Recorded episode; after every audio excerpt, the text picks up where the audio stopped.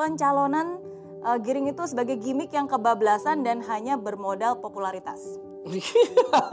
Jujur aja kalau saya boleh cerita ke belakang bahwa saya adalah saksi mata bagaimana negara ini eh, bagaimana beberapa tahun belakang ini ada beberapa orang yang menggunakan politik dan gila ada orang yang selalu kayak menganggap sebelah mata dan menyepelekan yang lainnya. Menurut saya itu sudah bagian dari hidup, hidup saya sih sis. Kenapa serius banget pengen jadi um, presiden dari Republik Indonesia ini? Kegagalan bukan akhir dari segalanya, kesuksesan juga tidak selalu ada selamanya. Suka duka silih berganti, tapi keyakinan dan kemauan untuk terus melangkah itu yang harus dimiliki. Nah, di Zero to Hero hari ini saya bersama dengan bakal calon presiden 2024 Giring Ganesha. Halo, halo sis. Terima kasih lo udah datang ke sini wow, lo. Wow, sama-sama.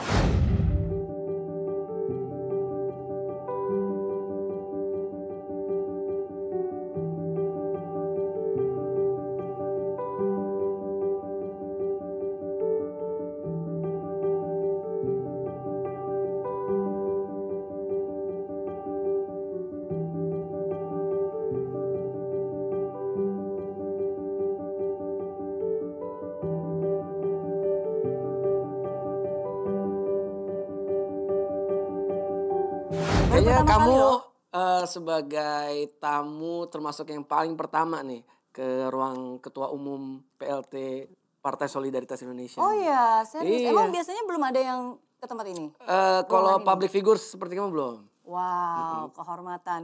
Seneng.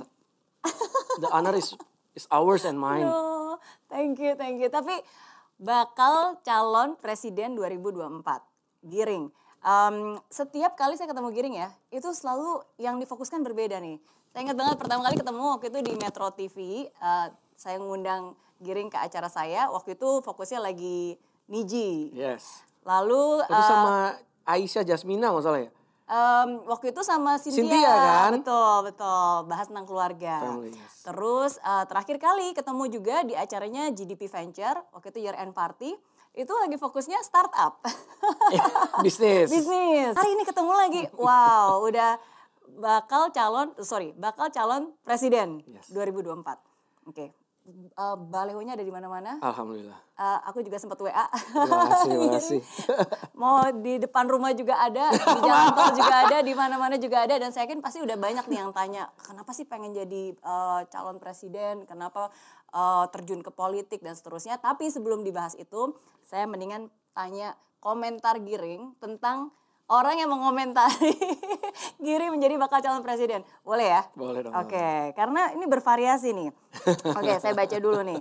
Ada yang bilang bahwa ini adalah gimmick politik. Oke, okay. Ernest Prakasa bilang pencalonan uh, Giring itu sebagai gimmick yang kebablasan dan hanya bermodal popularitas. Gimana komentarnya? Um, well, pada dasarnya kita hidup di negara demokrasi jadi kita terbuka lah ya dengan kritikan dan lain-lain masukan yang lainnya sih. Jadi uh, masukan dari Bro Ernest ya kita dengar di partai dan saya pribadi juga dengar. Hmm. Tapi yakinlah bahwa ini kan bukan gimmick lah. Hmm. Gimmick itu ketika kalau di atas panggung saya pakai light stick saya gini-gini itu gimmick lah. Atau ketika di atas panggung kita digantung, wah itu gimmick.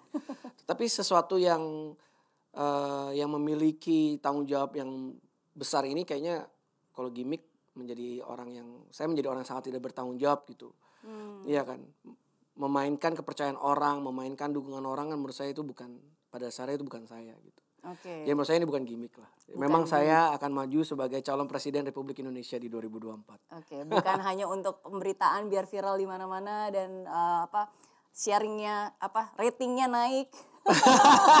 itu kan kalau rating naik kalau di TV ya sis. TV ya. Eh, this is real ya. This is real karena okay. uh, eh, saya merasa bahwa uh, negara ini udah memberikan begitu banyak pada saya dan karir saya ya. Hmm. Dan apalagi keluarga saya gitu. Jadi menurut saya it's time for me to give back. Udah saatnya hmm. saya memberikan kembali balik kepada negara saya. Gitu. Oke. Okay. Lalu ada juga yang bilang mimpi di siang bolong. Nah, ini aku bacain komentar persisnya ya. Oke, jadi jangan cuma sekadar karena masih muda terus menganggap cocok sebagai capres mewakili anak muda. uh, ya anak muda kan juga harus pakai otak, akal, punya rasa juga. Nggak harus anak muda pilih anak muda. Tapi boleh sih mimpi di siang bolong. Yang penting buktikan dulu kalau partai beres atau enggak. Nah ini kata uh, Pak Hensat alias Hendri Satrio, pendiri, pendiri lembaga sur survei dari Kedai Kopi. Nah gimana tuh dibilang mimpi di tengah siang bolong? Kayak dulu Abraham Lincoln juga ketika dia masih kecil dia juga punya mimpi untuk menghapuskan perbudakan di Amerika Serikat gitu. Hmm. Uh, Pak Jokowi juga pasti suatu hari bangun pagi hmm. tiba-tiba dia punya mimpi dia malamnya bermimpi besar ingin menjadi wali kota Solo habis itu jadi hmm. presiden mungkin. Hmm.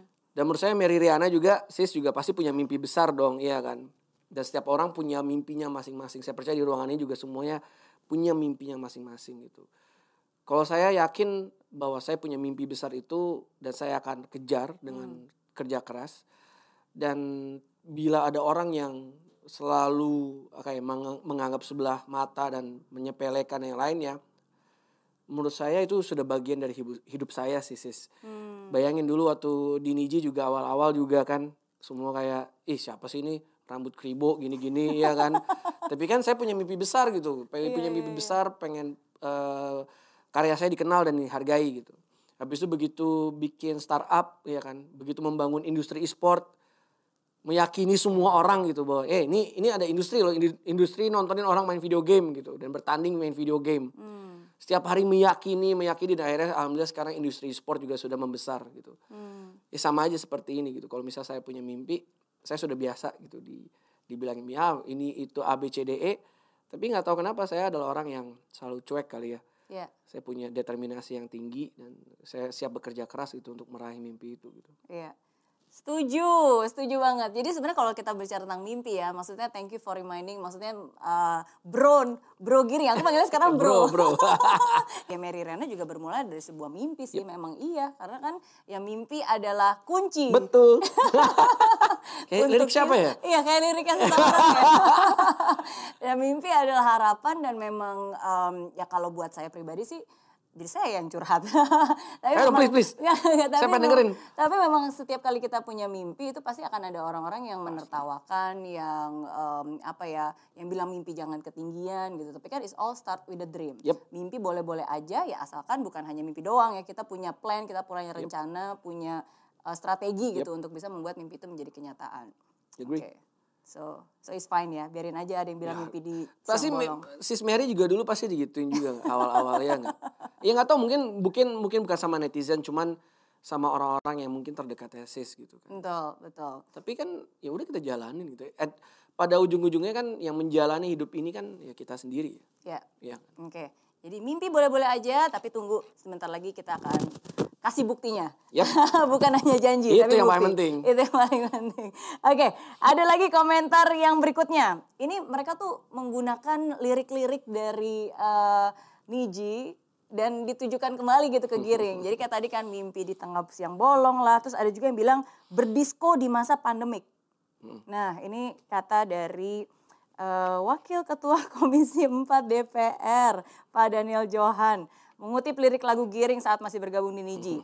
Disco Lazy Time gitu kan judulnya ya. Tapi Pak Daniel menyebut Giring sedang berdisko di masa pandemi yang sunyi ini. Berdisko di masa pandemi yang sunyi. Apanya yang sunyi maksudnya?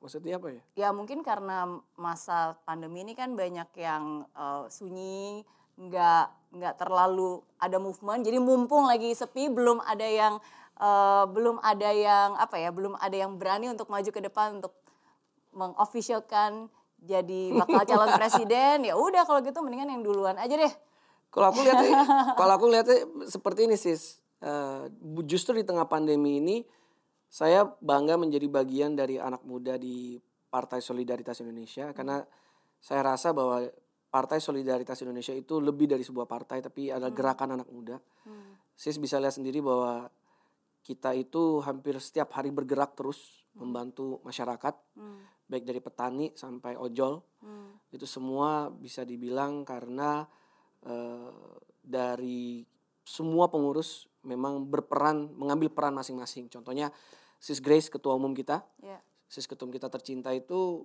waktu itu sempat di bulan Ramadan uh, setiap hari memasak untuk 50 orang hmm. untuk dibagikan untuk membuat nasi bungkus dan dibagikan ke 50 orang miskin yang benar-benar di jalanan dan yang lainnya.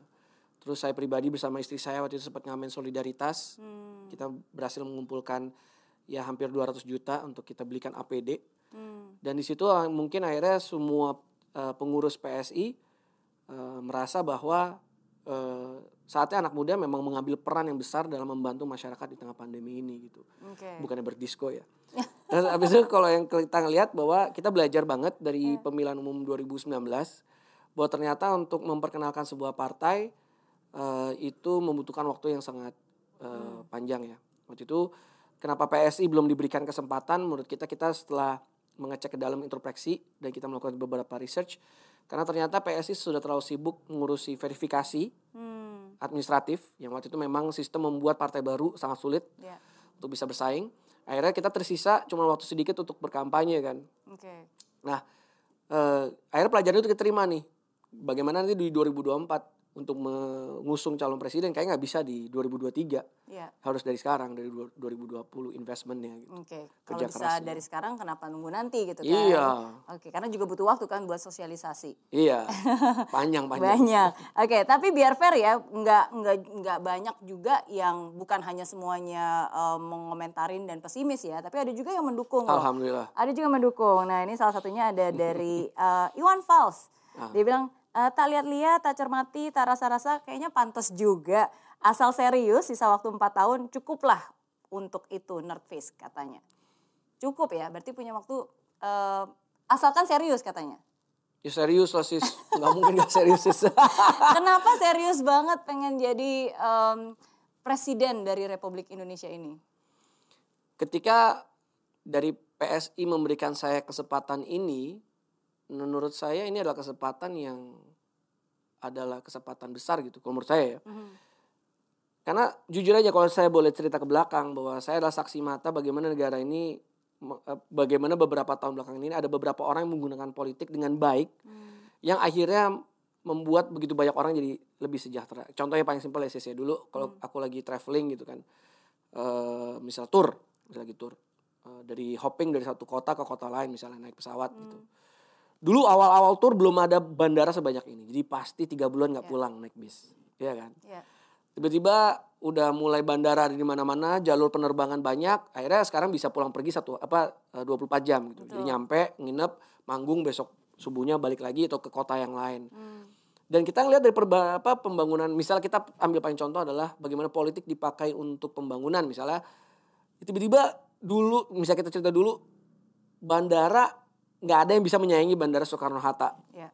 Sekarang semua bandara, bahkan ada beberapa bandara yang jauh lebih bagus, bagus. daripada bandara Soekarno-Hatta, iya kan? Iya, iya. Terus habis itu, itu dari misalnya kita lihat di bandara. Terus tiba-tiba dari kota ke kota yang lain, ngelihat yang tadinya nggak ada apa-apa, tiba-tiba sekarang begitu balik lagi, daya beli masyarakat yang membe- meningkat.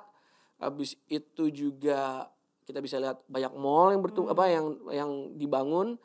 Kalau kita lihat dari sosial media juga kreativitas tidak hanya fokus di Jakarta, tapi hampir di seluruh Indonesia anak-anak muda sekarang sudah mulai berkreasi, jadi entrepreneur dan yang lainnya.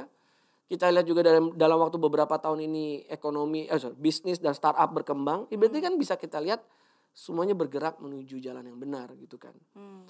Itu apa? Ketika politik digunakan untuk tujuan yang mulia. Oke. Oleh karena itu, kalau saya menjadi ya saya akan menggunakan politik untuk tujuan-tujuan yang mulia juga gitu. Oke. Pembangunan sumber daya alam, kesejahteraan, kesehatan, habis itu juga kebudayaan dan yang lainnya. Pendidikan. Iya, pasti pendidikan kan. Juga Pembangunan sumber daya alam kan. Oke, tapi emang benar Eh, sumber daya- sih. sumber daya manusia. betul. Em, karena kan em, 16 tahun saya di Singapura, baru back for good ke Indonesia itu tahun 2014 dan memang em, keliling kan, maksudnya kayak kita kalau memberikan seminar motivasi atau kalau misalnya Mas Giring manggung itu kan pasti kan kita ke daerah-daerah dan itu bisa benar banget yang kayak tadi eh, Bro Giri bilang bandara itu saya bisa benar-benar melihat yang tadinya bandaranya nggak ada atau cuma landasan sekarang bahkan bisa bagus banget dan itu terstandarisasi ya Yap. bahkan waktu itu ketika bandara di Jakarta aja belum direnovasi yang di Kuala Namu yang di Medan udah jauh lebih Iya. bagus Iya, udah ada kereta satu, keretanya kan dua. dari Betul, mall ke Kuala betul. Namu kan. betul iya so it shows that Indonesia is growing It memang is. ada uh, pertumbuhan ya dan Ada perbaikan. uh, ada perbaikan gitu dan perbaikannya pun juga uh, cepat dan nyata Iya. gitu dan bukan hanya di kota-kota besar aja tapi di seluruh Indonesia gitu. Oke. Karena Sis Mary kita yakin bahwa eh, harus lebih banyak lagi anak muda yang masuk ke kursi di DPR, DPRD, di eksekutif. Karena ya kita yang paling merasakan gitu loh. Yang Kita sih nggak ngomongnya gagal sih. Kita ngomong tidak diberikan kesempatan. Tidak diberikan.